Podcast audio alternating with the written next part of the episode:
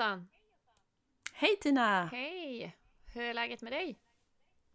Det är bra! Jag njuter av att det är måndag igen, även om det har varit en, en lite trött måndag den här gången, för det var mycket, mycket som hände i helgen. Men eh, vi har ju faktiskt en spännande intervju här framför oss som jag ser väldigt mycket fram emot. Det ska bli jättekul. Vi ska prata med en, eh, en kille eller en man, eller vad säger man, som heter Micke Gunnarsson. En snubbe! En snubbe! Ja, en riktigt klok och härlig snubbe ska vi prata med. Ja, men precis. Så vi har gjort en liten intervju med honom ju som vi tänkte vi skulle eh, spela upp här i podden. Mm. Du kan väl berätta lite om honom? Ja, Micke Gunnarsson. Han är en trebarnspappa, föreläsare, författare och en stor inspiratör via sociala medier. Vi följer honom också och inspireras väldigt mycket av honom. Och han brinner väldigt mycket det här för att stärka människors inre ledarskap och eh, framförallt det här med våra relationer med barn och unga. Och det är också mycket det som eh, ni kommer få ta del av idag i det här avsnittet. Ja, det ska bli kul. Men då sätter vi igång. Ja, det gör vi. Här kommer den intervjun. Idag har vi med oss Micke Gunnarsson som vi är jätteglada för att få välkomna i vår podd. Välkommen Micke! Tusen tack! Vi har ju följt dig ett bra tag på sociala medier och inspirerats av allt klokt som du delar med dig av. Du pratar ju mycket om det här med personlig utveckling och relationer mellan pedagoger eller föräldrar och barn och elever och inre ledarskap och så. Men kan inte du bara presentera dig själv lite kort så att vi får en mer bild av vem du är och vad du gör? Det är den värsta frågan jag vet. Eller nej men det... Förlåt! nej men jag ska försöka. Alltså jag tänker utifrån vad jag har hittat på så kan man väl säga att eh, jag, jag började egentligen bestämma mig redan på gymnasiet, inför gymnasiet att jag skulle jobba med barn och unga på ett eller annat sätt. Så jag, jag gick barnskötutbildningen och började jobba på förskola direkt efter där ett tag. Men sen så Samtidigt som där så började också ett annat intresse väcka för mig och det var det här att stå på scen, teater, skådespeleri, alltså att möta, att möta folk, människor på något sätt. Så att en, en del i mig började utveckla det, jag började jobba på teater under några år, en period sådär och utbilda mig. Så därefter så kan man väl säga att den ena benet i mig har varit att jag har jobbat med barn och unga på kulturskola, jag var med och startade en gymnasieutbildning, eh, olika ungdomsprojekt som jag har drivit med arbetslösa ungdomar, barn som inte mår så bra och så vidare. Så att det har funnits en entreprenör i mig kring barn och ungdomar. Och sen har det då funnits en annan entreprenör i mig att dels vill jag dela då och sprida genom föreläsningar, genom att skriva, precis som du säger med sociala medier och det här.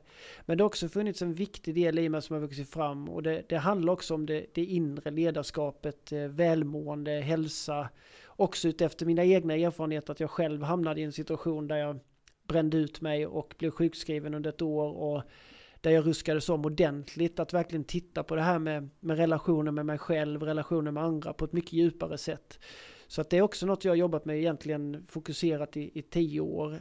Och sen har jag också en kärlek till det digitala. Jag måste bara säga det för att jag brinner verkligen för det digitala. Jag började liksom började liksom jobba med internet i mitten av 90-talet när liksom inte det fanns riktigt ännu. Vi hade små modem och sådär men jag började bli jätteintresserad och såg tidigt att shit vilken ny värld som kan växa fram. Eh, så jag har även drivit vissa bolag som jobbade med digitala plattformar, sociala plattformar i början på år 2000. Så att barn, unga, människor, eh, inre, inre ledarskap och digitalisering. Det är väl där jag är någonstans. Ja, det, och, och då är det ju bara det jag jobbar med. Sen så är jag ju själv trebarnspappa, eh, har varit tillsammans med Jenny, min, min kära fru, i snart 30 år. Älskar att hitta på saker. Jag älskar att gör, alltså, hitta på och få för mig saker. Ja, du känns ju som en väldigt kreativ person, verkligen en entreprenör. Ja, men jag är nog rätt kreativ. På gott och ont så är jag faktiskt det. Eh, som ja. sagt var, jag tycker det är kul att hitta på och utmana och växa liksom. Eh, Mm. Jag har ett ordspråk som är att jag dör hellre pinsam än full av längtan. Och det är faktiskt så jag... det, det bra. Det är ja, bra. Det, ska vi ta med oss. Det är faktiskt så jag försöker leva faktiskt. Ja. Hur har det gått att ha det budskapet med sig under tiden när du hade tre tonåringar hemma? Man kan säga så här, det är betydligt jobbigare för de som finns runt omkring mig än för mig själv. Ja, jag kan tänka mig det. Och det, det, det kan man skratta åt, för det, men å ena sidan finns det faktiskt ett allvar i det också som kan vara ganska så utmanande ibland att att kunna, ja men att, att ta in andra människors behov och önskemål och tankar samtidigt som du själv brinner utav någon slags längtan i vissa områden. Jag vet, jag vet när jag började dansa till exempel för ett par år sedan. Det, det, vet jag också att mina, mina tonåringar hade jobbigt med att jag skulle gå till gymmet där de var liksom och stå framför glasväggar där alla kunde se in och där jag skulle dansa zumba som den första man i medelåldern som någonsin har satt sin fot där. Eh, men vi hade en fin diskussion kring det tycker jag och ehm, jag försökte lyssna in också men ja, någonstans slutade de också. Jag vet min äldsta son sa någonting till mig att, att något i stil med att pappa du har alltid sagt att vi ska liksom leva våra drömmar och det vi, vi känns rätt för oss så att då måste du också på något sätt kunna få göra det. Eh, så att vi hade en fin mm. diskussion men det är alltid det är viktigt att ha den dialogen. Eh, och jag lär mig också. Det har varit många gånger jag har skrivit grejer, lagt ut grejer som jag sen har fått ta bort för att jag har varit för snabb och inte synkat om mina barn innan till exempel, eller min fru. Eh, Just det. Så vi, vi lever och vi lär, tänker jag. det tycker ju, har ju Tina och jag pratat en del om i den här podden. Eftersom vi båda har barn som har drag av högkänslighet i mer eller mindre mån så är det alltid så svårt att veta hur mycket man ska dela med sig, för vi vill inte lämna ut dem på något sätt. Och samtidigt så vill vi ja, men, eh, inspirera och bidra med det som vi har lärt oss längs vägen. Så att, men å andra sidan så är vi ju båda två högkänsliga själva och har varit barn, så vi har ju kunnat bidra mycket med våra egna historier också. Men jag förstår just det där att ibland, eh, ibland kanske man är för snabb och då får man kanske plocka bort i efterhand. Så att ja, det är en avvägning det där hur mycket man ska dela med sig av det privata, liksom, ja, det personliga. och jag kom också, jag kan ju vara ärlig och säga att jag kom nog också, för, för något år sedan kom jag nog också i konflikt med mitt egna lilla ego bekräftelsemonster inom mig. Att, eh, eh, och där tror jag flera kan vara, om man vågar vara ärlig så tror jag vi kan vara flera vuxna som kan erkänna det att du kanske har skrivit ett inlägg eller delat någon fin bild där dina barn är med. Eh, och så helt plötsligt får det likes och, och, flera som tycker det är jättefint och wow och massa kommentarer. Och så kommer din tonåring och säger du pappa ta väck det.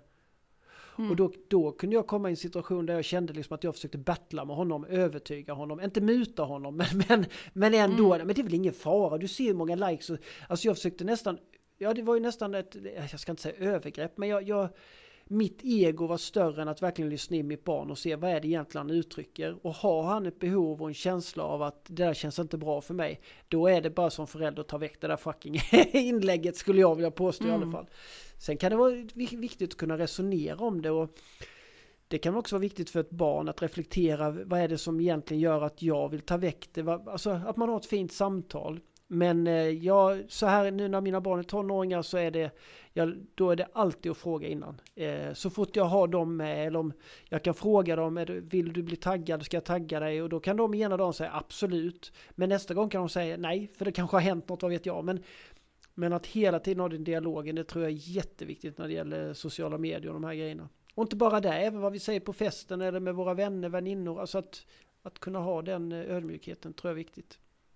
Mm. Mm. Verkligen. Jag tror också är jätteviktigt att lyssna in det där, vad de känner och vad de vill. Mm. Um, men jag tänkte på en sak, så du börjar komma in lite på egot där. Du har ju så himla bra resonemang kring egot. Kan inte du dra det lite mycket? Jag har hört att du har pratat om det tidigare. Ja, nej men jag har ju en definition utav egot som har hjälpt mig mycket och det, det, kan man väl säga så här.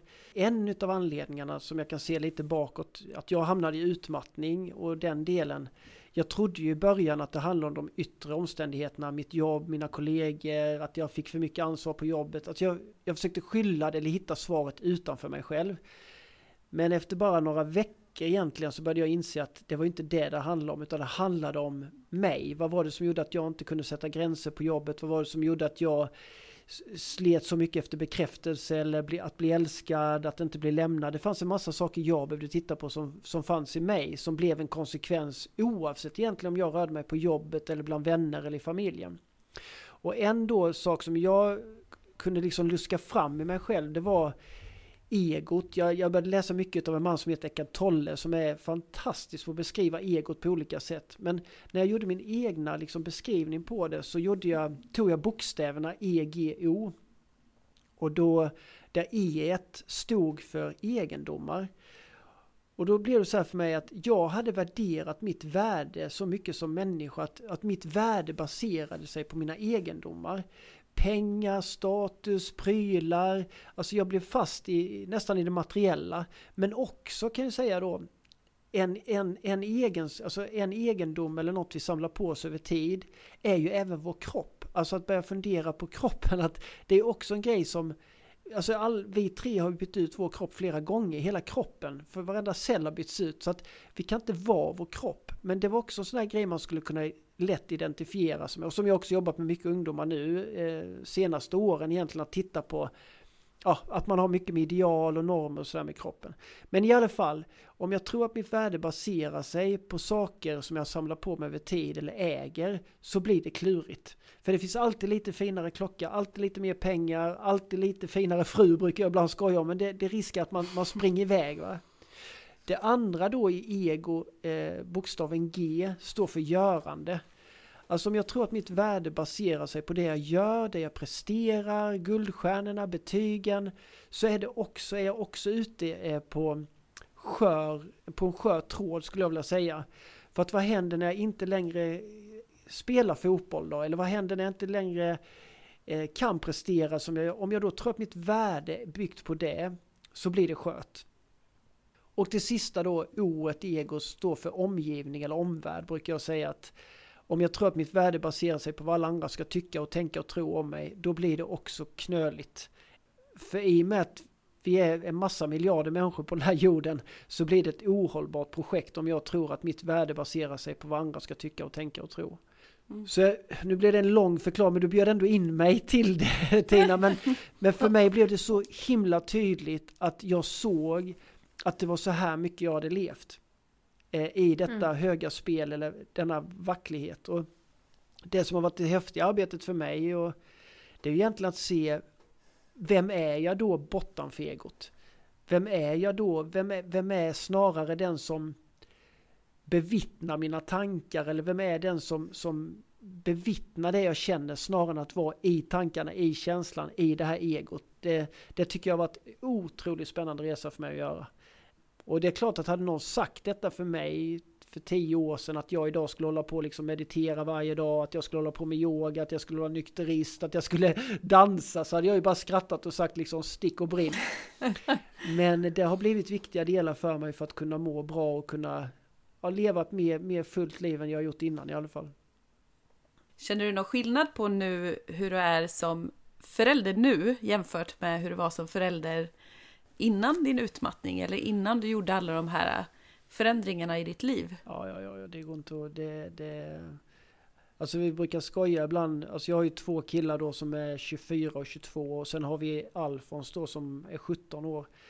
Och vi kan ju ibland sitta och skoja om det att Alfons har fått en mycket bättre farsa än de andra. Eh, mm. Egentligen. Eh, under den tiden när han var, var yngre. Eh, men, det, men där också. Eh, vad ska jag säga att jag i alla fall eh, ångrar ingenting. Jag, jag, jag har ingen skuld eller skam utifrån hur jag var småbarnspappa när, när mina äldsta var små. Där jag betedde mig på ett sätt som jag idag inte skulle göra eller agera på ett sätt som jag inte skulle göra. Men, men allting har sin tid och jag brukar alltid säga det både till mig själv och andra föräldrar ibland när, när föräldrar efter en föreläsning till exempel kan komma fram och säga liksom shit hur kunde jag, eller jag har sagt så här till min son, eller jag har varit så hård, eller jag drog ut sladden framför liksom med datorn precis när de satt och spelade, jag har gjort liksom... Och då sa jag det att så fort ni som föräldrar säger hur kunde jag eller varför gjorde jag så? Så bör man istället köpa sig en tårta och fira. Alltså inte skuldbelägga eller, eller ge sig skam att man är dålig förälder eller var misslyckad utan fira det verkligen på ett otroligt vackert sätt. För att det som har hänt det är att du har blivit medveten om dig själv. Och grejen är att vi kan aldrig förändra något eller utveckla något i oss själva så länge vi inte är medvetna om det det, då, då famlar vi blindo. Så att när jag väl kommer på, och hur kunde jag göra så? grattis för nu ser du det. Nu har du möjlighet alltifrån att be om förlåtelse, fundera på hur du kan förändra ditt beteende, behöver du stressa ner, behöver du byta jobb eller vad det nu kan vara. Så att, och det, det måste jag nog säga att så känner jag eh, idag som pappa att jag, jag hedrar, jag menar jag kom in i alkoholmissbruk eh, innan eh, min utmattning. Det var också ett sätt för mig att både slappna av men det också ett, jag, jag tappade väl lite kontrollen där. Men jag ångrar, jag kan inte sitta här idag och säga att jag ångrar någonting. För att allt har varit tvunget att hända fram till nu. Annars hade jag inte suttit med er och haft den här, det här samtalet och fått njuta av er fina podd liksom. Så att... Eh... Mm. Det är mycket det här med självmedkänsla alltså. Och vara, vara snäll mot sig själv även när man har gjort något tokigt eller även när någonting liksom känns jobbigt i livet istället för att straffa sig själv för det för då blir det ju dubbelt upp jobbigt. Exakt. Då är det dels något jobbigt som har hänt och sen så klandrar man sig själv för att det har hänt. Så precis som du säger, det är bättre att säga tack för att jag blev medveten om att nästa gång vill jag göra annorlunda eller det här beteendet vill jag förändra.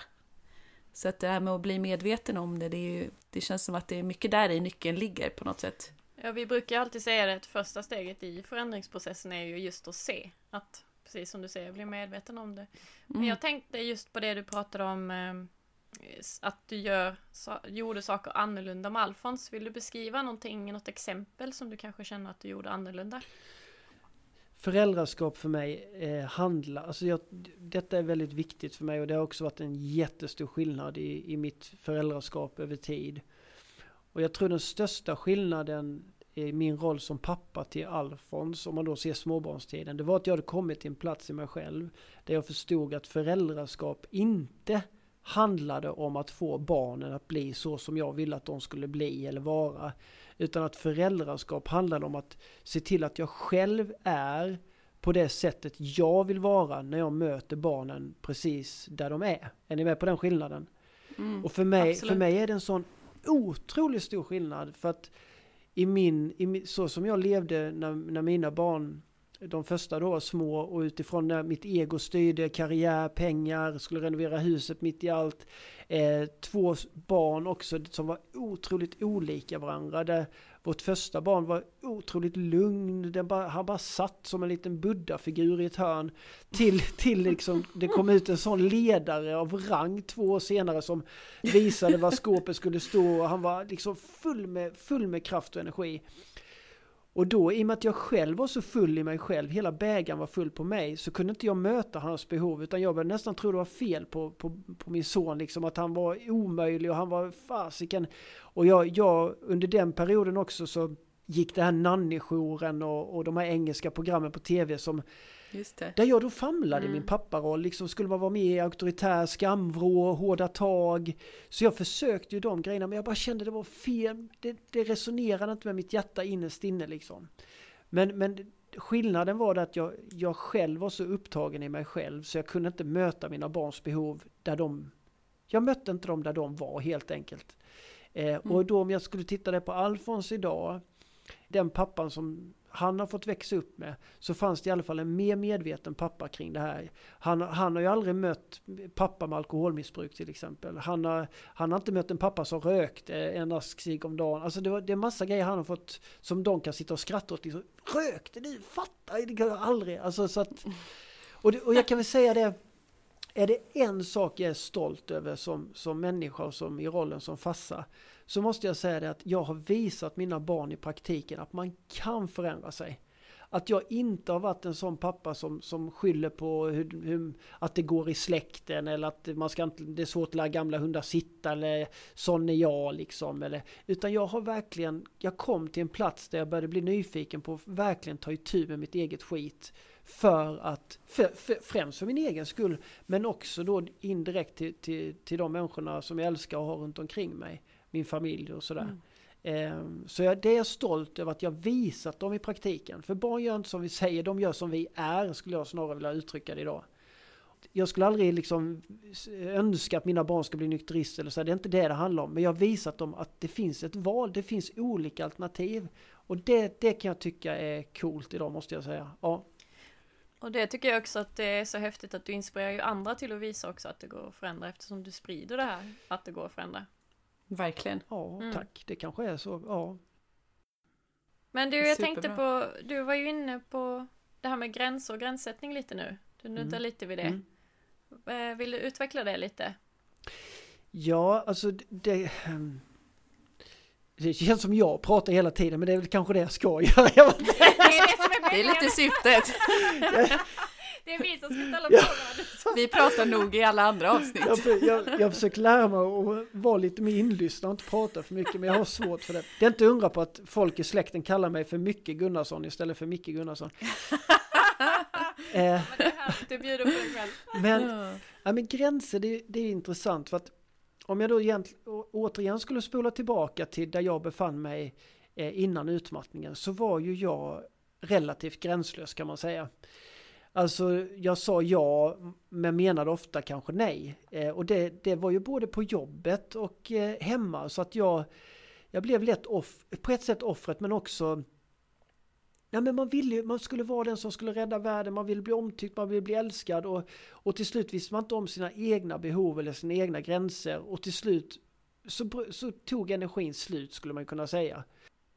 Och jag tänker att är det någonting, särskilt nu som tonårspappa, är det någonting jag vill mina barn ska kunna utveckla och bli bra på är det att sätta sina egna gränser. Alltså att, att mer kunna säga ja när de menar ja och nej när de menar nej. Och att skulle de bli lockade i helgen att åka runt i en, i en bil där någon har druckit som sitter vid ratten så önskar jag att mina barn ska kunna sätta sin gräns och säga nej. Oavsett om de andra tycker de är ocoola eller vad det nu kan vara. Eh, och om jag tittar den förebild jag var då som farsa det var egentligen att jag visade dem hur man blir världsmästare på att inte sätta gränser. Att faktiskt ehm, ja, saka sig själv och sin egna sanning utefter vad andra ska tycka och så vidare.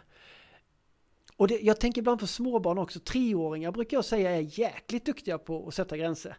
Då brukar vi kalla dem att de är i trotsåldern, men, men i många fall är det ju vi vuxna som blir trotsiga när treåringen försöker visa oss hur man sätter gränser. Exakt. Eller hur? Eller hur? Ja. Väldigt bra sagt. Ja men det är ju, alltså jag kan själv, jag vill knyta skorna själv, jag vill äta, alltså där, där man börjar liksom utforska sitt egna gränsdragande, sin integritet och så vidare. Och det, det jag har fått lära mig kan man väl säga är att det är helt okej att sätta gränser för dig själv inför dina barn. Och det tycker jag det kan vara en viktig skillnad att att och liksom ha med sig att jag, för mig handlar inte så mycket om att sätta gränser för mina barn. Utan det handlar så om att jag tydlig var min gräns går i situationen med barnet. Och för mig är det, Mm. det är också en viktig skillnad. Och det är klart att då måste vi också ha med oss att om jag sätter en gräns vi kan ta ett exempel, nu, i och med att jag har tonåringar så tar jag det utifrån tonårsperspektivet. Men vi säger att en av mina tonåringar eh, vill vara ute på fredagskvällen till två på natten. Ett sånt enkelt liksom, ja, klockan två. Och då säger han så här, nej, för mig känns det bättre och jag kommer hämta dig klockan 12. Alltså jag, jag, kan, jag kan absolut tänka mig att hämta dig, men då, då får det bli vid 12. För sen vill jag gå och lägga mig eller sådär. Det vore ju en utopi att tro att han då skulle säga ja pappa det gör inget, herregud halv tolv funkar också bra. Så, utan han, ja, han, den naturliga reaktionen kommer ju vara att han kommer försöka göra vad han kan för att få sin vilja igenom. Det är inget konstigt, detta är högst mänskligt. Eh, och där tror jag vi föräldrar måste också förstå, även när vi jobbar med barn som pedagoger, lärare, att vi kan inte tro att det är små änglar som bara ska nicka och le och vara lydiga. För det är också en sån här grej, jag vill inte ha lydiga barn, jag vill ha barn som, som växer och som vill växa och som jag kan hjälpa att växa. För vad händer om mina barn hela tiden lyder och säger ja pappa jag hämtar, ja det blir bra, du kan hämta mig då och då, då, då, då är ju risken att inte den personen har byggt upp sitt egna ledarskap, inte fått chansen att känna efter vad vill jag då? Så när mitt barn konfronterar mig och säger men pappa alla andra får vara ute till två och sådär. Då kan jag i lugn och ro idag kunna säga det är helt okej om alla andra vill men min gräns går klockan 12. Mm. Och då måste jag också kunna möta mitt barn i hans ilska, han kanske börjar bli arg på mig, tycker jag inte är värd ett skit eller vad det nu kan vara. Och här ligger, här ligger liksom grejen att om jag då har tränat mig på att liksom hitta mitt egna inre lugn, min egna inre, vad ska jag säga, stabilitet utifrån ett ledarskap. Då berör inte det mig så mycket. Då går inte jag in i samma reaktionära mönster som mitt barn gör. Är jag däremot inte på plats i mig själv, om jag själv vacklar i det, då är ju risken, och det är ju där jag var mycket tidigare i mitt liv, då blev jag också ett barn. Jag blev också en reaktionär känslomänniska som började skrika på honom, jag som ställde upp och du fick julklappar och allt. Och där löser vi ingenting. Utan för mig har det varit viktigt att, att hitta det tydliga gränssättandet i mig. Reaktionen kommer, jag accepterar reaktionen, men den träffar mig inte utan jag kan gå vid sidan om. Hans konsonanter och vokaler får liksom, de, de träffar mig inte utan jag går vid sidan om. Titta istället, vad är det mitt barn just nu uttrycker? Ja, det är rädsla vad kompisar ska säga. Han är besviken, han är ledsen. Han kanske hade en dejt på gång med någon ny partner, vad fan vet jag. Och det måste jag förstå. Men för den sakens skull behöver inte jag ändra min gräns. Men jag kan möta honom på ett annat sätt. Att jag förstår att du är ledsen nu eller jag förstår att du, är det något jag kan annat jag kan hjälpa dig med eller behöver du liksom ringa eller ska jag låta det vara? Det kan också bli att vi hittar en deal att halv ett blev tiden till slut där vi kom överens. Men förstår ni vad jag menar i den, den mm. tanken kring gränssättningar? Mm. Jag sitter och nickar här. Ja, jag känner också jag är likadant. Det är inte så bra i en podd men... Nej det gör inte det. Men, äh, men det är så fint precis som du säger att det, det, är inte det viktigaste att det blir exakt 12. Att det är liksom, jag tänker inte vika mig utan mm. det är liksom att mötas i det hela liksom. Ja. Är man då en förälder som, som, vad ska jag säga, omedvetet är ganska fast i sitt ego och sin egna personlighet. Då är ju risken att när barnet gå till attack, eller vad man ska säga, när barnet ger uttryck för sina känslor i form av ord och, och, och, tankar, då är ju risken att jag börjar se mig som en dålig förälder, jag börjar jämföra med andra föräldrar, är de bättre än mig? Alltså att jag tar på mig så att jag nästan får en, jag kan till och med få en känsla av att mitt barn gör mig, försöker göra mig till en dålig förälder. Och då är vi ju lite ute i tassemarken. Jag säger inte detta, detta är inte lätt. Men, men ju mer vi kan träna på det att faktiskt inte bli drabbade, ta det personligt och låta vårt ego styra så tycker jag i alla fall, min erfarenhet säger att man, man får mycket finare möten, eh, dialog och relation med sitt barn än att vi båda står på varsitt minfält och, och försöker kriga. Mm. Verkligen. Har du haft reaktioner runt omkring? Alltså jag tänker det är ju så många som har åsikter med det här med hur man ska uppfostra och vi säger ju verkligen så här om om, det är, om man mitt uppe i en konflikt själv med barnet eller en, att barnet har någon överstimulering eller vad det är. Att det finns mycket åsikter runt omkring. Hur har du bemött det? För det tycker många är lite svårt det här att... Eh... Mm. Hur, hur, hur, tänker du? Hur, hur, du menar hur... Du menar om andra tycker olika som mig eller om jag ser att människor beter sig på ett sätt som jag tycker inte stämmer överens med vad jag, hur jag agerar? Är det så du tänker? Nej, jag tänker så här att eh, när barnen är små ofta mm. så är det väldigt många runt omkring som har åsikter att ja, men ni borde göra så här och ni, så här eh, har vi gjort. Om, om ni inte gör så här så kommer det inte... Ja, mycket mm. åsikter runt omkring hur föräldraskapet ska vara liksom. Och eh, jag tänker hur du själv mm. har reagerat på att du uppenbarligen har ju i din tredje föräldraskapet har du ju struntat i allt det här liksom. Och det krävs ju också en inre styrka att våga liksom Mm. Lyssna på det inre. Ja. Hur, Nej, men det, vad tänker du? Du har resonerat kring det? Nej, men jag, det är en jättefin fråga, men jag, jag tror skulle jag titta skulle jag spola tillbaka bandet 25 år och titta under min tid som farsa så, så tror jag att i början, och det är väl ganska naturligt, jag menar man har ingen erfarenhet som pappa och så vidare eller som förälder men jag tror att där var man mer eh, i gungning utifrån yttre eh, åsikter och uttryck. Jag, det är likadant som jag brukar säga till småbarnsföräldrar att det, det, finns ju aldrig ett barn på ett år som kräver en nappflaska för 300 spänn med Marimekko-märke på. Men vi, vi själva kan driva upp det så att, ja, att vi till och med kan inte vabba till slut tre dagar med barnen för att vi ska köpa en ny barnvagn för 40 000 med inbyggd GPS. Alltså att vi, vi måste liksom där tror jag att jag var mer förvirrad i, i mina unga år och det kanske också har med åldern att göra. Men, men däremot, jag tror också en grej som har varit viktig och som jag har haft förmånen under resans gång, det är att jag har haft Jenny, min, min, min fantastiska fru vid min sida. Där vi också tillsammans ibland har sagt och det är, det är inte bara egentligen utifrån föräldraskap, det är också i takt med att, jag ska inte säga att jag är någon offentlig person, men ju fler som ja, men känner till en lite, man är ute och föreläser, man har följare på sociala medier och sådär, så, så har det också varit en viktig grej för oss att vi brukar ibland säga det att vi har ett eget litet igelkottaskinn eh, som ett täcke där vi kryper under och håller varandra i handen liksom. Att det är mm. viktigt för oss att stå för det vi tror är sant. Sen att vi inspireras av varandra och tar till oss men jag tror idag är vi betydligt mer eh, vad ska jag säga stabilare i att och likadant också att eh, vad ska jag säga alltså jag, jag jag tycker inte krig är bra i världen. Och jag har en idé om att det hade inte, alltså varför det finns krig i vår värld, det är för att vi människor går runt med inbördeskrig i oss själva.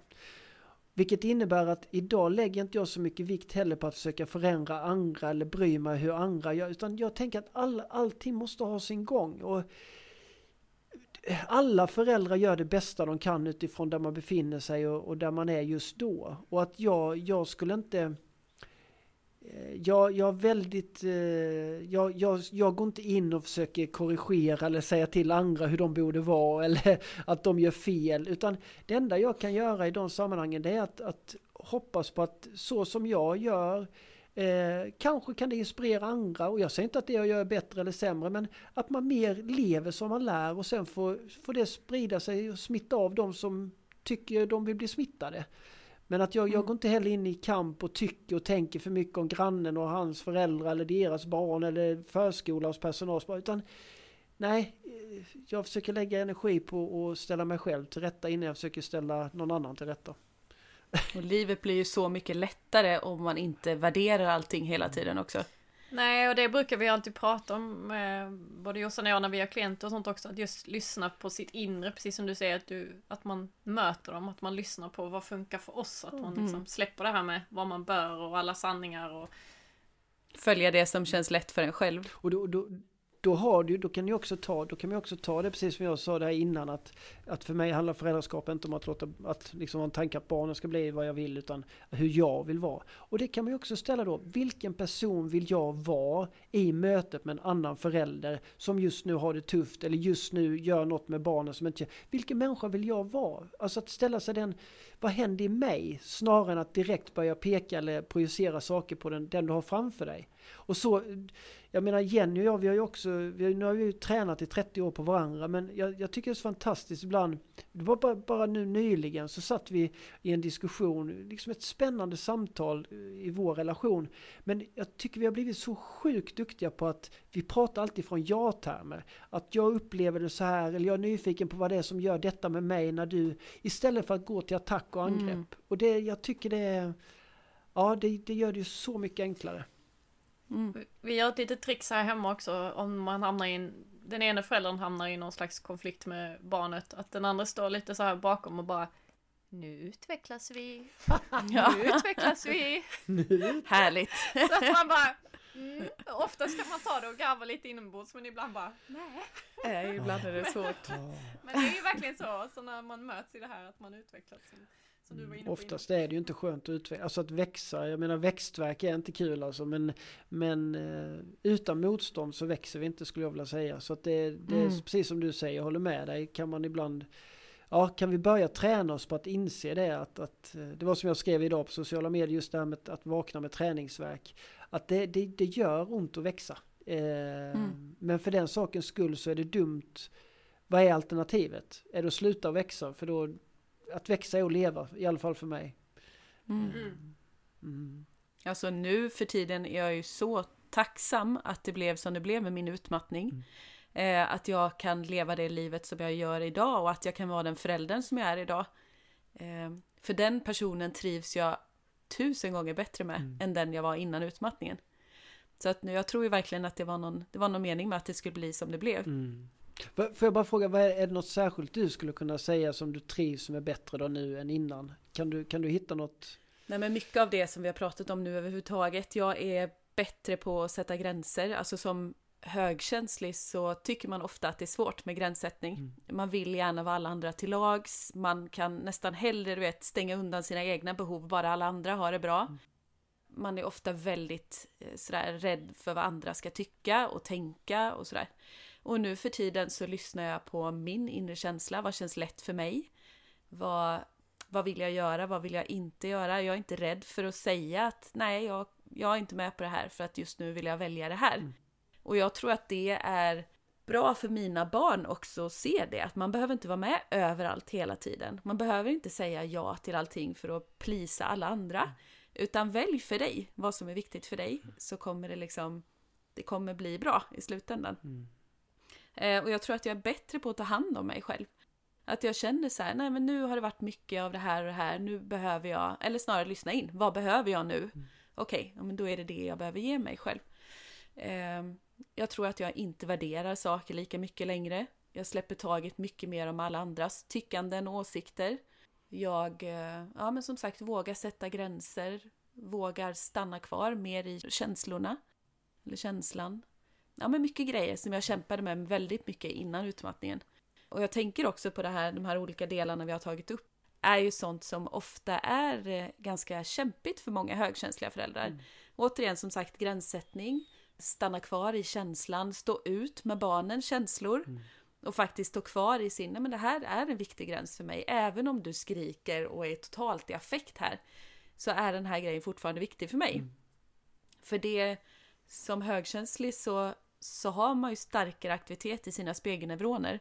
Och fångar därmed också upp så otroligt mycket liksom, intryck från eh, hur den andra personen har det och mm. hur den mår och känslor och energier. Så det är väldigt lätt att bli inom citationstecken smittad mm. av den andras energi eller känslor. Men att det, det behöver inte vara farligt liksom, utan man kanske kan stå ut med det där en stund och känna att det kommer gå över liksom. Och jag kan, jag kan säga för, för min del så har det varit viktigt att att eh, det är nästan svårt att beskriva men det har, det har varit en viktig grej för mig att hitta sätt och metoder för att ta mig bortom för tankarna och känslorna. Att inte gå upp i känslan eller tankarna fullt upp utan att på något plan förstå att jag är inte mina tankar och känslor. Utan att komma mm. till en plats där jag snarare kan bevittna dem. Jag, jag kan nästan ibland se att jag sätt, sätter mig på läktaren och tittar ner på scenen där mina känslor och tankar finns. Där jag kan hitta det här lilla avståndet. Innan var jag uppe på scenen hela tiden känns det som. Och, men mm. nu kan jag, och för mig har det varit många saker liksom att tagit hand om min hälsa. Men jag tycker meditationen och andra saker att liksom mindfulness, praktisera, att hitta det här lugnet, det här, den här platsen bortanför. Att bli mer, komma i kontakt med den människan som bevittnar känslan och tanken. Och det är klart att det här kanske låter konstigt i många öron som hör detta. Men, och det hade det gjort för mig med för några år sedan. Eh, men, men idag är det, är, det en, är det verkligen naturligt eller en, en viktig del för mig. Och att jag inte mm. Att jag inte blir min känsla eller tanke. Jag har jobbat rätt mycket med ungdomar ja, i ett projekt för fem, fem år sedan när vi startade projekt. Men där jag märkt att många unga byggde upp sin identitet kring sin problematik. Alltså att, att, och jag förstår absolut att det kan finnas en, en, en, en vad ska jag säga, en, något viktigt i att veta eh, om man har en diagnos eller förstå sig själv bättre. Men, men att bli sin verk, bli sin, sin, sitt skoskav eller bli sin diagnos, bli sin känsla och börja bygga upp en identitet kring det det tror jag är, kan vara väldigt eh, klurigt. Det, jag tror inte det är, är till ens fördel. Och det kan, jag, det kan jag också se i mig själv under min utmattning. Att jag hade en period där jag blev ett ganska eh, stort offer och nästan identifierade mig med utmattning. Alltså att jag blev, började bli min utmattning. Och på det då, vad ska jag säga, jag missade allting som jag inte var. Alltså för att jag byggde så stark identitet med det här. Och jag, när jag ser ungdomar ibland, de går runt med sina t-shirtar och halsband med massa, eh, liksom, jag är detta eller ADHD. Alltså, Statements. Ja, men så. Ja. Så, så ja, jag, jag blir alltid i alla fall lockad till, fin, till att ha utforskande samtal med ungdomar kring det. Hur tänker vi där då? Vad menar vi med det? Och det som jag, min erfarenhet säger att många gånger efter de här samtalen jag har haft så så kan man faktiskt i många fall, jag har upplevt ungdomar som kommer på sig själva och inse att det är inte sant. Deras tanke som 18 år, där de har programmerat som en tanke att jag kommer aldrig mer kunna jobba heltid i hela mitt liv. När vi väl har synat den tanken och verkligen tittat på den till 100% så kommer vi till plats där, där vid ett tillfälle sa en tjej, nej men det är inte sant. Mm. Så var har du fått den tanken ifrån? Ja men hon hade blivit programmerad både från, från liksom eh, experter, från föräldrar att, att, att redan vid 18 år då så skulle hon i så fall vara ute och aldrig kunna jobba heltid. Och det var så, bara det exemplet så var så roligt för det hon gjorde i vårt projekt då, så när de fick jobba med sina drömmar så så hade hon precis suttit i möte med mig där hon frågade om hon kunde få låna hem videokamerorna för att hon skulle spela in filmer med sina hundar. Hon höll på med agility. Och hon var så passionerad kring. Hon hade hundarna med sig i vårt projekt. Hon höll på. Och jag sa hur mycket tid lägger du? Och du vet när hon började räkna timmarna på hon, vad hon la på sin, sina hundar. Så var ju det mer än heltid. Mm. Och jag sa egentligen, hur kan du då säga att du aldrig mer kan jobba heltid när du till och med nu i helgen vill hålla på med dina Jo, ja, så tänker man så. Ja, men så hur tänker du då? Och så då, mm. då var det så fint när vi kunde se båda två tillsammans att den där tanken är ju inte riktigt sann alltså. Så att, eh, mm. Där är du inne på någonting väldigt intressant också tycker jag, det här med att att hon orkade det, men hon tänker att hon inte orkar ett vanligt jobb. Och det är ju också det här med liksom, vad tar ens energi och vad ger energi? Och det här liksom att man mm. är, man är liksom inställd på att men jag kommer inte kunna jobba mer då, men man kanske kan jobba med så mycket andra saker. Men det blir väldigt tydligt i mitt föräldraskap tycker jag, när jag har haft en, alltså en, en full dag med saker som jag inte tycker är lika kul. Då är jag ju mycket sämre förälder på kvällen för mm. att jag är så otroligt trött. Och det blir ju väldigt tydligt att jag väljer många färre sådana dagar än mm. vad jag gjorde förut. Mm. Det är det som är lyxigt nu när man jobbar som egenföretagare. Mm. Att man kan liksom ja, portionera ut liksom de här olika grejerna man ska göra mer under dagarna så att man inte behöver vara överstimulerad varenda kväll. Mm. Alltså så som jag kände att jag var när jag jobbade på förskola var överstimulerad hela dagen och kom hem och var överstimulerad hela kvällen. Och jag hann aldrig återhämta mig. Alltså det är ju inte så konstigt att jag kraschade till sist. Och då orkar man ju inte riktigt heller vara närvarande på det sättet i sitt föräldraskap. Mm. Och det tyckte jag har lärt mig mest eh, angående utmattningen, liksom just det här med återhämtning. Att eh, mm. lära sig att jag har mycket gas, men jag måste också bromsa, ta det lugnt. Mm. Och det är då som du också var inne på mycket, liksom att det är då man upplever livet fullt ut också, om man liksom landar och tar de där pauserna emellan. Alltså det här vi snackar om nu, att, att, att lära känna sig själv, lyssna inåt, lyssna på sina behov, att förstå att, som jag skrev någon gång, att vägen ut är in. Det är ju också något vi inte får träna på. Vi har inte, vi har inte fått träna på det. Och jag, jag menar inte att sitta och, och vara hur taskig som helst mot skol, skolan. Och, men det kommer nog komma en tid, hoppas jag, i, i, även i skolan. I och med att vi har barnen i, i, vad ska jag säga, enligt svensk lag så, så har vi ändå sagt att de första 15 åren, det bästa som kan hända barn är att vara i skolan. Och då menar jag att som det är nu så börjar vi komma till en plats där det kanske inte ens bör, det, det, det, det kanske inte stämmer riktigt än, alltså idag. För det som behöver hända nu är att vi behöver jobba med vårt inre. Det borde vara lika naturligt i skolan att, att jobba idag med känslor, med, med livskunskap, med existentiella mm. frågor.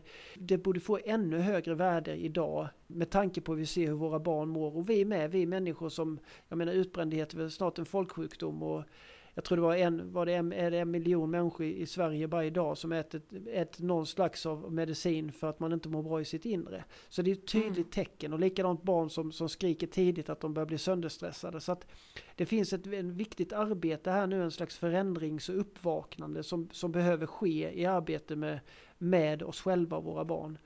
Tittar man då som Google och stora arbetsgivare i världen som är väldigt eftertraktade och anses vara långt fram. Där jobbar man ju dagligen med allt ifrån meditation, mindfulness, man, mindfulness, man anställer psykologer. Där det blir en naturlig del. Ja, det finns något där, en, en, någonting som börjar växa fram här som jag också tror eh, kommer visa sig i skolan också. Eller det måste göra det om ni frågar mig. Det är ju också för att de här stora företagen har insett att eh, de verkligen bra idéerna som bär företaget framåt kommer ju när man reflekterar och tar det lugnt en stund liksom. Och då har de insett att okej, okay, där eh, Ja, att mm. de ger plats till det, för det är ju en ekonomisk fråga helt plötsligt för deras företag. Ja, och de vet att eh, de får inte behålla de bästa, de får inte behålla personal om de inte bryr sig om hela människan. Det är inte längre en anställd utan det är en hel människa, ett helt liv vi behöver eh, värna om. Ehm, Men mm. jag tänkte på, ehm, på mina barns skola har de faktiskt ett ämne som heter Ledaren i mig. Där de diskuterar massa olika saker och det blev väldigt positivt överraskad att de hade sådana. Och, eh, härom veckan hade de faktiskt en konflikthanteringsövning där de fick vara olika djur. Någon fick vara en uggla och mm. någon skulle vara lejonet och sen fick de titta liksom ur olika perspektiv vilken de brukar vara och liksom mm. och lära sig de olika. Så det blev jag jättepositivt Häftigt. överraskad. Mm. Ja. ja. Men du, Annars har du ju pratat mycket, mycket om det här med inre ledarskapet. Du har varit inne på det i föräldraskapet, men just att hur vi ska få in det i barnen, det inre ledarskapet, att de ska lära sig på något sätt. Eh, du pratar om gränssättning och att de ska lära sig lyssna på sig själva, men jag tänker om det finns något mer där som du vill, hur man får barnen till att utveckla sitt inre ledarskap? Nej, men jag tror att, att eh, vad ska jag säga, att både utifrån föräldraskap och eh, kanske skolan också, att precis som egentligen du beskrev med, med, med ditt barn där i skolan, att man har börjat göra liksom, där man börjar prata om känslor, kanske det här att, att, att inte värdera känslor, att det finns bättre känslor och sämre känslor, utan vi känner och att vara nyfikna på det, vad händer i mig då? Eh, mm. Att låta barn få kanske sätta ord på sina, döpa sina känslor eller sina reaktioner. Att ja, nu kom det där gröna trollet igen och attackerade mig och jag började kasta grejerna i rummet. Alltså att, att, börja, att börja kunna samtala om det och mötas eh, i det. Eh, men, men jag tänker att det lik förbaskat så landade in i oss vuxna att då måste vi har börjat göra ett arbete i, i, oss för att kunna ha de här samtalen, att ställa de här frågorna eller eh, att, ut, att liksom vara nyfiket utforskande på det här. För att om vi springer runt, som om jag ser till mig själv som när jag sprang runt liksom helt, helt liksom fullmatad i mig själv. Och som jag sa innan, mitt ego, karriär, spring, stress, alltså allt det här. Det fanns ju inte en rimlig chans att jag skulle på något sätt då hitta den det samtalet eller vara nyfiken på Alfons behov när han står och skriker gubbe du borde säljas på Blocket. Alltså, det, eller vad det nu, men jag menar, det, det, där, jag kan inte komma till den platsen om jag inte själv börjar träna på det och framförallt bli nyfiken och intresserad av det. Vi, vi människor, vi kan aldrig uppleva något utanför oss själva egentligen. Utan allting vi upplever är en direkt konsekvens av vad, hur det står till med vårt inre. Alltså att mm. vi, vi skapar det liv vi möter. För mig är det så jäkla viktigt att komma ihåg och det tycker jag också är jättespännande att prata både med barn och, och tonåringar om. När man börjar förstå orsak, verkan, när man börjar förstå sin, sin egna, sitt egna skapande av sitt liv. Det, det, är så lätt att vi blir en, vad ska jag säga, vi, vi blir slav under omständigheterna. Vi tror att det är de yttre sakerna, polarna, andra som, som dumma lärare eller vad det nu kan vara som, som snubblar in i vårt liv och ställer till det. Men när vi verkligen på ett vackert och ödmjukt sätt börjar förstå att jag skapar min lärare, jag skapar min förälder. Då, då öppnas det upp en helt annan möjlighet för då behöver du inte förändra en annan människa, vilket du aldrig kan egentligen. Utan det enda du behöver ta, ta ansvar för är att börja förändra dig själv och din syn på en annan människa. Alltså jag, jag vet, vi hade en diskussion med en av mina tonåringar när eh, de hade fått en vikarie på skolan. Som, som, som han kom hem och tyckte var liksom, och det, så kan det väl vara, ibland tyckte var liksom var kass eller ja, sådär pinsam. Och då, då, då började vi istället prata om hur känns det att vara vikarie? Första gången man träffar en grupp, första gången man träffar er, hur kändes det er? Ni visste inte ens hennes namn. Alltså att börja förstå det mänskliga. Och då, då, där vi mm. också kom fram i en egentligen spännande diskussion att där mitt barn kan börja se att det handlar nästan mer om mig. Att det var jag som, jag skapade denna människan. Jag förstod inte hennes nervositet, hon kanske inte hade sovit på hela natten och hade stressat, alltså varit jättenervös första gången. Och det, det, vet ju vi också. Ni kan ju ta alla de som lyssnar på det här avsnittet efteråt. Om vi skulle sitta här nu och försöka göra ett poddavsnitt för att vi ska behaga er publik så är vi körda. Mm. För mm. vad, är det liksom 5000 pers som lyssnar på det här så kommer det vara 5000 i olika poddavsnitt. För alla mm. lyssnare skapar sitt utifrån där de är. Så vissa kommer tycka att detta var det värsta de har hört, vissa tycker det var fantastiskt. Alltså, det har inte vi med att göra, utan det enda vi har att göra med, som vi kan ta ansvar för, det är att vi har en stund nu som känns rätt och sann för oss. Sen måste vi lämna resten till, till, till livet i sig självt. Mm. Otroligt klokt. så att det för mig är nog inre ledarskap att förstå att det handlar inte så länge jag gör det jag gör utifrån att inte vilja någon medvetet illa utan det som känns sant och riktigt för mig så är det gott nog. Att, mm. att, det, att det ansvaret stannar där på något sätt skulle jag vilja säga. Kommer vi in lite på det här med prestation också? Som jag vet vi har pratat om tidigare att men jag tror jag tog något exempel att tidigare så har jag inte tyckt om att stå och prata inför folk och föreläsa. Eh, jag har haft mycket min barriär uppe och känt att jag har gått in väldigt mycket prestation och vad ska de tänka och tycka och är det här bra nog och sådär. Och då har det ju inte varit någon skön energi för mig eh, att liksom genomföra den presentationen eller föreläsningen. Medan som jag gör det utifrån att jag brinner för det här ämnet. Jag tycker det här är jättekul att prata om och diskutera mer om. då har jag ju min barriär mycket mer nere. Jag vågar vara mer öppen och sårbar och jag gör det för att min energi är att göra det är lätt och då spelar det inte så stor roll vad alla andra tycker om det och precis som du säger, alla kommer ändå sitta med sin alldeles egna uppfattning om eh, vad de har hört eller ja, olika tolkningar av det. Mm. Så jag tror att det är otroligt viktigt att göra det utifrån en egen inre känsla av att det här är viktigt för mig eller det här vill jag förmedla eller det här brinner jag för. Eh, det här känns lätt för mig att prata om. För då kan man också lättare ta att folk kan få ha åsikter om det. Mm. Då gör inte det så mycket. Då tar man inte det så personligt i alla fall. Där, tänk, där säger du en jätteviktig grej också med prestation. Att för mig i alla fall är det ganska klart att det är inte prestationen som trasar sönder oss. Det, det, är väldigt sällan prestationen att det är det som, som knäcker oss eller får oss att må dåligt. För prestera gör vi hela tiden när vi sitter på toaletten, när vi äter, när vi sitter och pratar. Prestation är att göra liksom. Mm. Utan det är snarare våra tankar om vår prestation som, som blir det jobbiga. Och där, där tänker jag också att vi kan hjälpa barn att, att mer ta sig från de här tankarna om prestation. För vi lever ju ett samhälle idag igen som är väldigt egobaserat. Man, man, ska vara duktig och det är guldstjärnor och det är betyg och du får till och med pengar om du har vilket betyg du har eller om du gör mål i fotboll. Att vi, vi har en tendens att bygga, alltså att vattna ännu mer det här att du ska identifiera ditt värde med det du gör.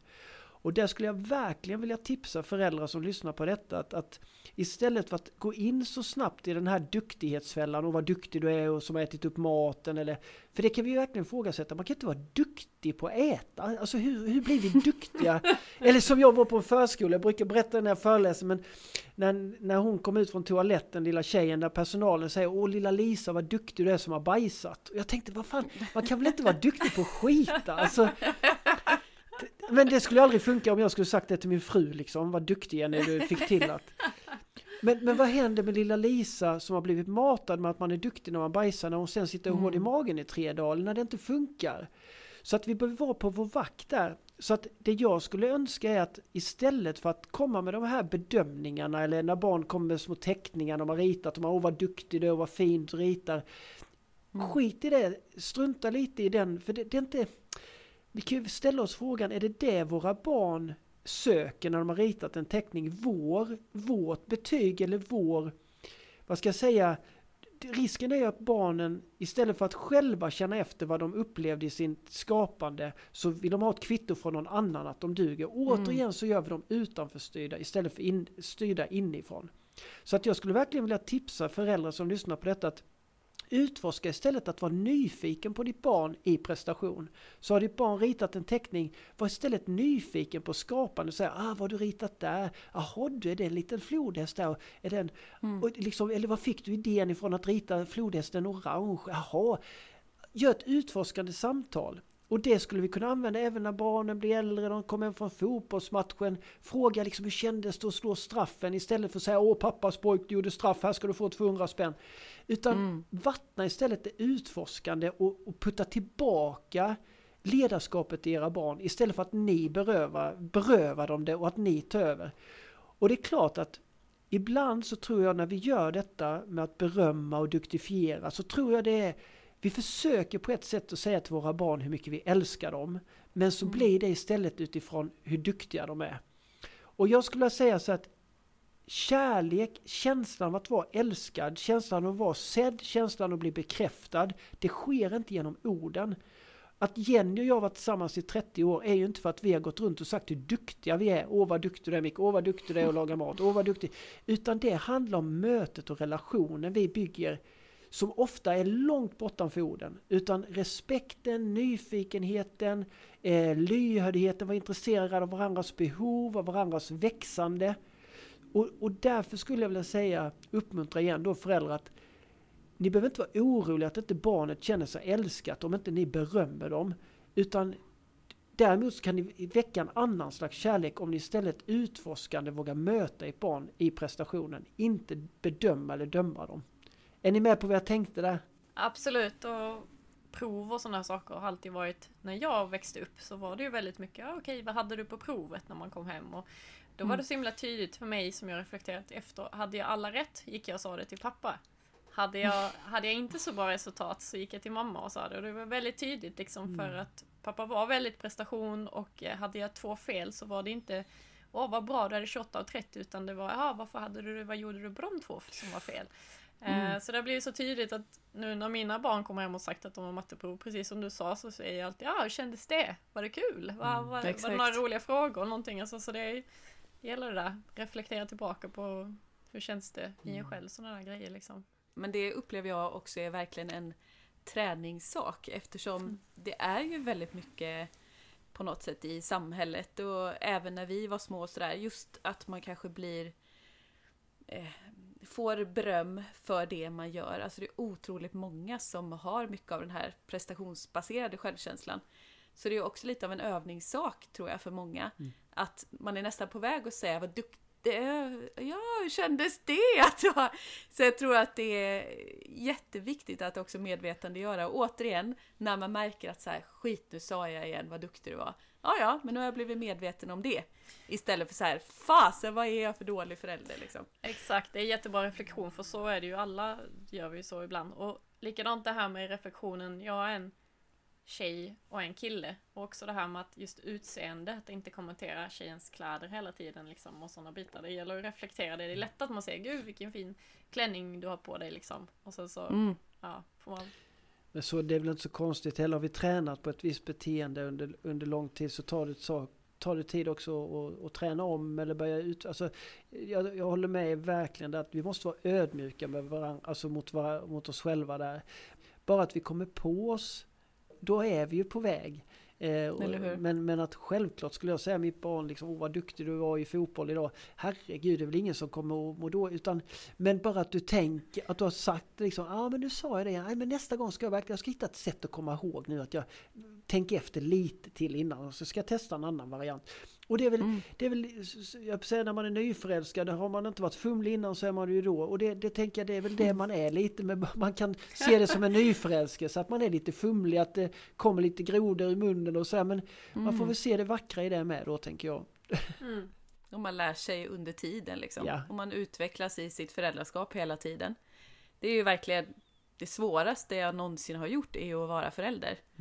Alltså verkligen, det är superhärligt på så många sätt men också otroligt utmanande. Fast samtidigt som det är det mest naturliga tycker jag också. Ja. Alltså att det är verkligen båda sidor. Det är, Ja, ja det är många, det är mångfacetterat alltså. Många olika delar i det. Det kanske är så att det är våra egna tankar om föräldraskapet som är jobbigare att ha att göra med än själva föräldraskapet i sig. just det. Mm. Just det. Ja, men precis.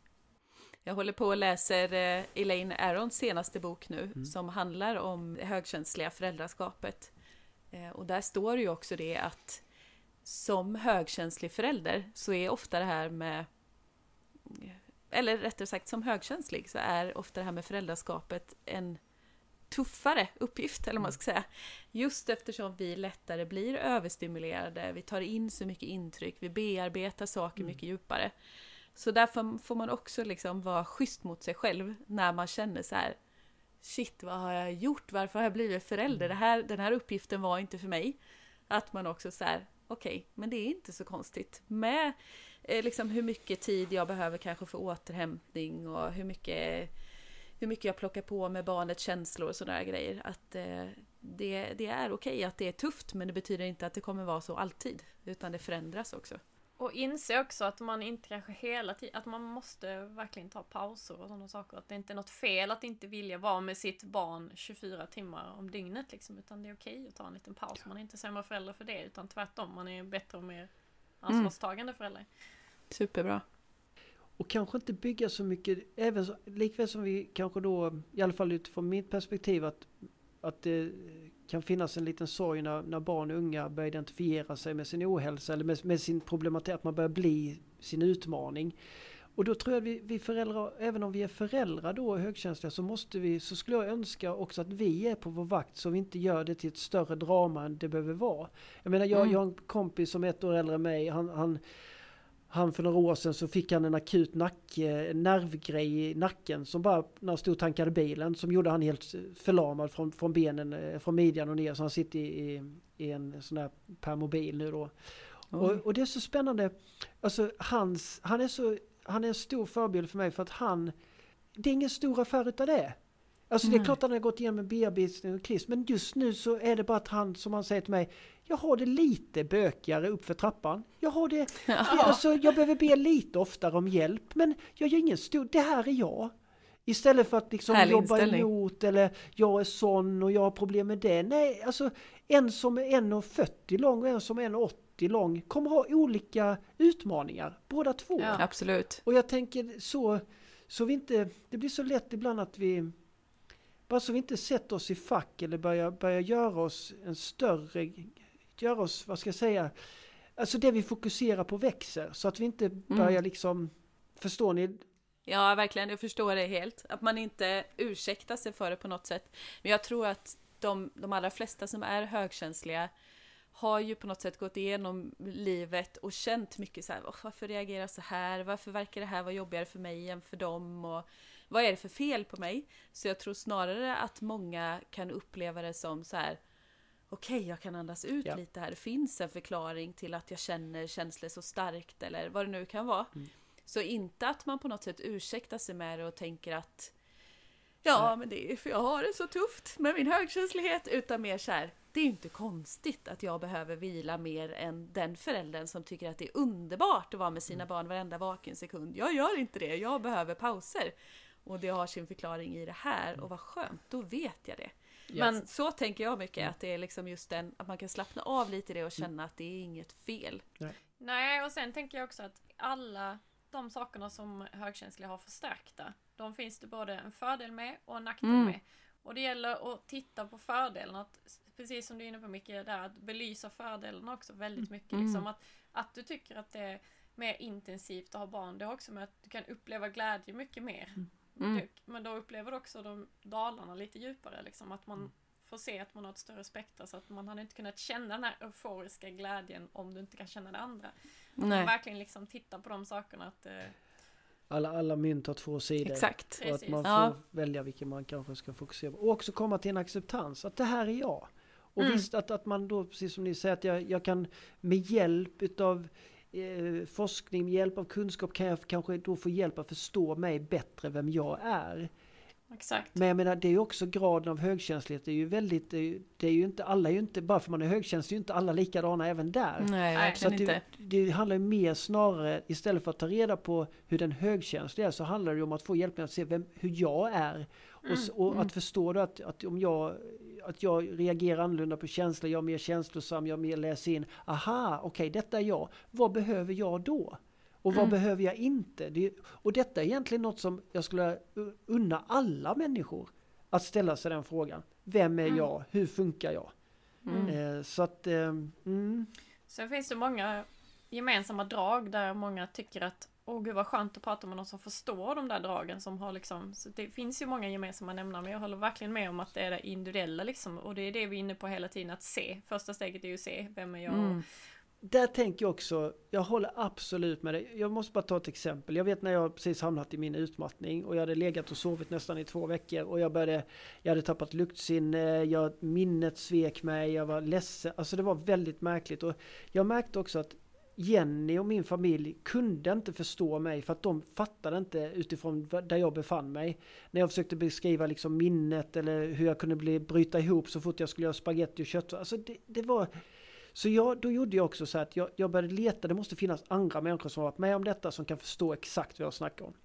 Och då vet jag att jag gick med i ett eh, par stycken Facebookgrupper som typ var med ut, som ja, hade erfarenhet av utmattning och utbrändhet.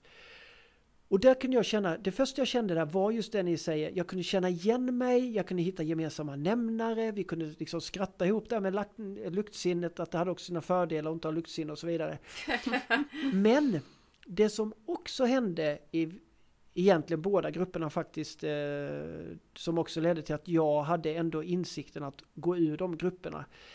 Det var att där började odlas en annan diskussion utifrån jävla Försäkringskassan, jädra läkarvård, jädra politiker som inte fattar någonting. De, alltså så att det blev så himla mycket energi som lades på att börja prata och läcka energi på saker som var helt omöjliga för oss att varken, varken ha kunskap om eller kunna förändra. Så att där började jag, där kom liksom en signal till mig, nej Micke, vi- du kan inte lägga energin på vilken statsminister vi har utan du behöver lägga energin hur ska, vad ska du äta idag alltså? Mm. Och jag vet inte, jag kan tänka mig även i, i, inom högkänsliga att bara så att man har koll på vad som hjälper mig men vad som också kan stjälpa mig. Ja, verkligen. Eh, Det tror jag är viktigt. Så det vill jag, Och lyssna inåt. ja. Vad spännande det här var att höra en massa klokskap från dig, Micke. Tusen tack för att du ville vara med och dela med dig av allt det här. Tusen tack för att jag fick äran. Mm. Jättespännande. Men du, om man nu vill veta mer om dig och vad du gör eller om man vill boka dig som föreläsare eller sådär. Mm. Vart kan man gå in då? Ja, jag har en hemsida som är mickegunnarsson.se eller .com och sen sociala medier. Eh, Instagram, Micke Gunnarsson heter jag där och Facebook-sidan heter väl Micke Gunnarsson publiksida. Och sen vill jag också faktiskt säga att jag har en app som jag släppte för ett år sedan där jag egentligen lägger all, det mesta energin just nu på att leverera material, både livesändningar och eh, coaching och filmer och poddar och allt, allt lägger jag där nu. Och den heter Micke Gunnarsson och vänner. Eh, Mm. mm. Ja, spännande. Superbra. Vad kostar det att ladda ner den appen? Eh, Just nu så kostar det 149 kronor per år. Och det, det är egentligen bara så att jag kan ha råd att ha appen så. Men, men ehm, ja, 149 kronor per år får man vara beredd Mm. att investera som det ser ut nu. Mm. Häftigt ändå att ha skapat en egen app. Ja, Ja, det är kul. Mm. Det är något för framtiden Tina. eller hur? Nästa, nästa mål. Vi får ta hjälp av Micke, precis som vi var tvungna att göra med mikrofoner och grejer. Ja, exakt. Perfekt. Ja, Ja, men tusen tack Micke. Då får du ha en Ja. fortsatt eh, härlig dag nu. Tusen tack Så själva. ses vi. Sköt om er. Mm. Hej! Ha det gott! Vad kul det var att få ha med Micke i det här avsnittet. Det här har jag sett fram emot länge. Absolut, samma här. Så mycket klokskap han har. Ja, han är ju verkligen en sann inspiration och väldigt mycket av det han pratar om eh, känner jag igen och det är ju egentligen mycket så som du och jag pratar även i våran vägledning. Det kändes som att det blev ett väldigt fint samtal kring det här med föräldraskap och sitt egna inre ledarskap. Hoppas att ni också uppskattade den här intervjun. Vi är ju även denna gången sponsrade av Sveriges förening för högkänsliga. Och de är ju en partipolitiskt obunden förening som brinner för att sprida kunskap och forskning kring det här med högkänslighet. Och också öka förståelsen för personlighetsdraget. Och man kan läsa mer om dem på hspforeningen.se och där kan man också bli medlem för en liten kostnad per år. Och Tina, om man vill veta mer om dig då? Vart ska man gå in då? Ja, då kan man kolla in min hemsida www.hogchanslighetscoachen.nu eller eh, titta in på Insta eller Facebook som, där jag kallas högkänslighetscoachen. Ja, men min hemsida heter ju tankaromhogkänslighet.se och eh, även på Facebook och Instagram heter jag tankar om högkänslighet. Så där får ni gärna spana in. Men du, då säger vi tack och hej för den här gången Tina. Det gör vi. Ha det bra Jossan och ni alla andra. Hej hej! Hej!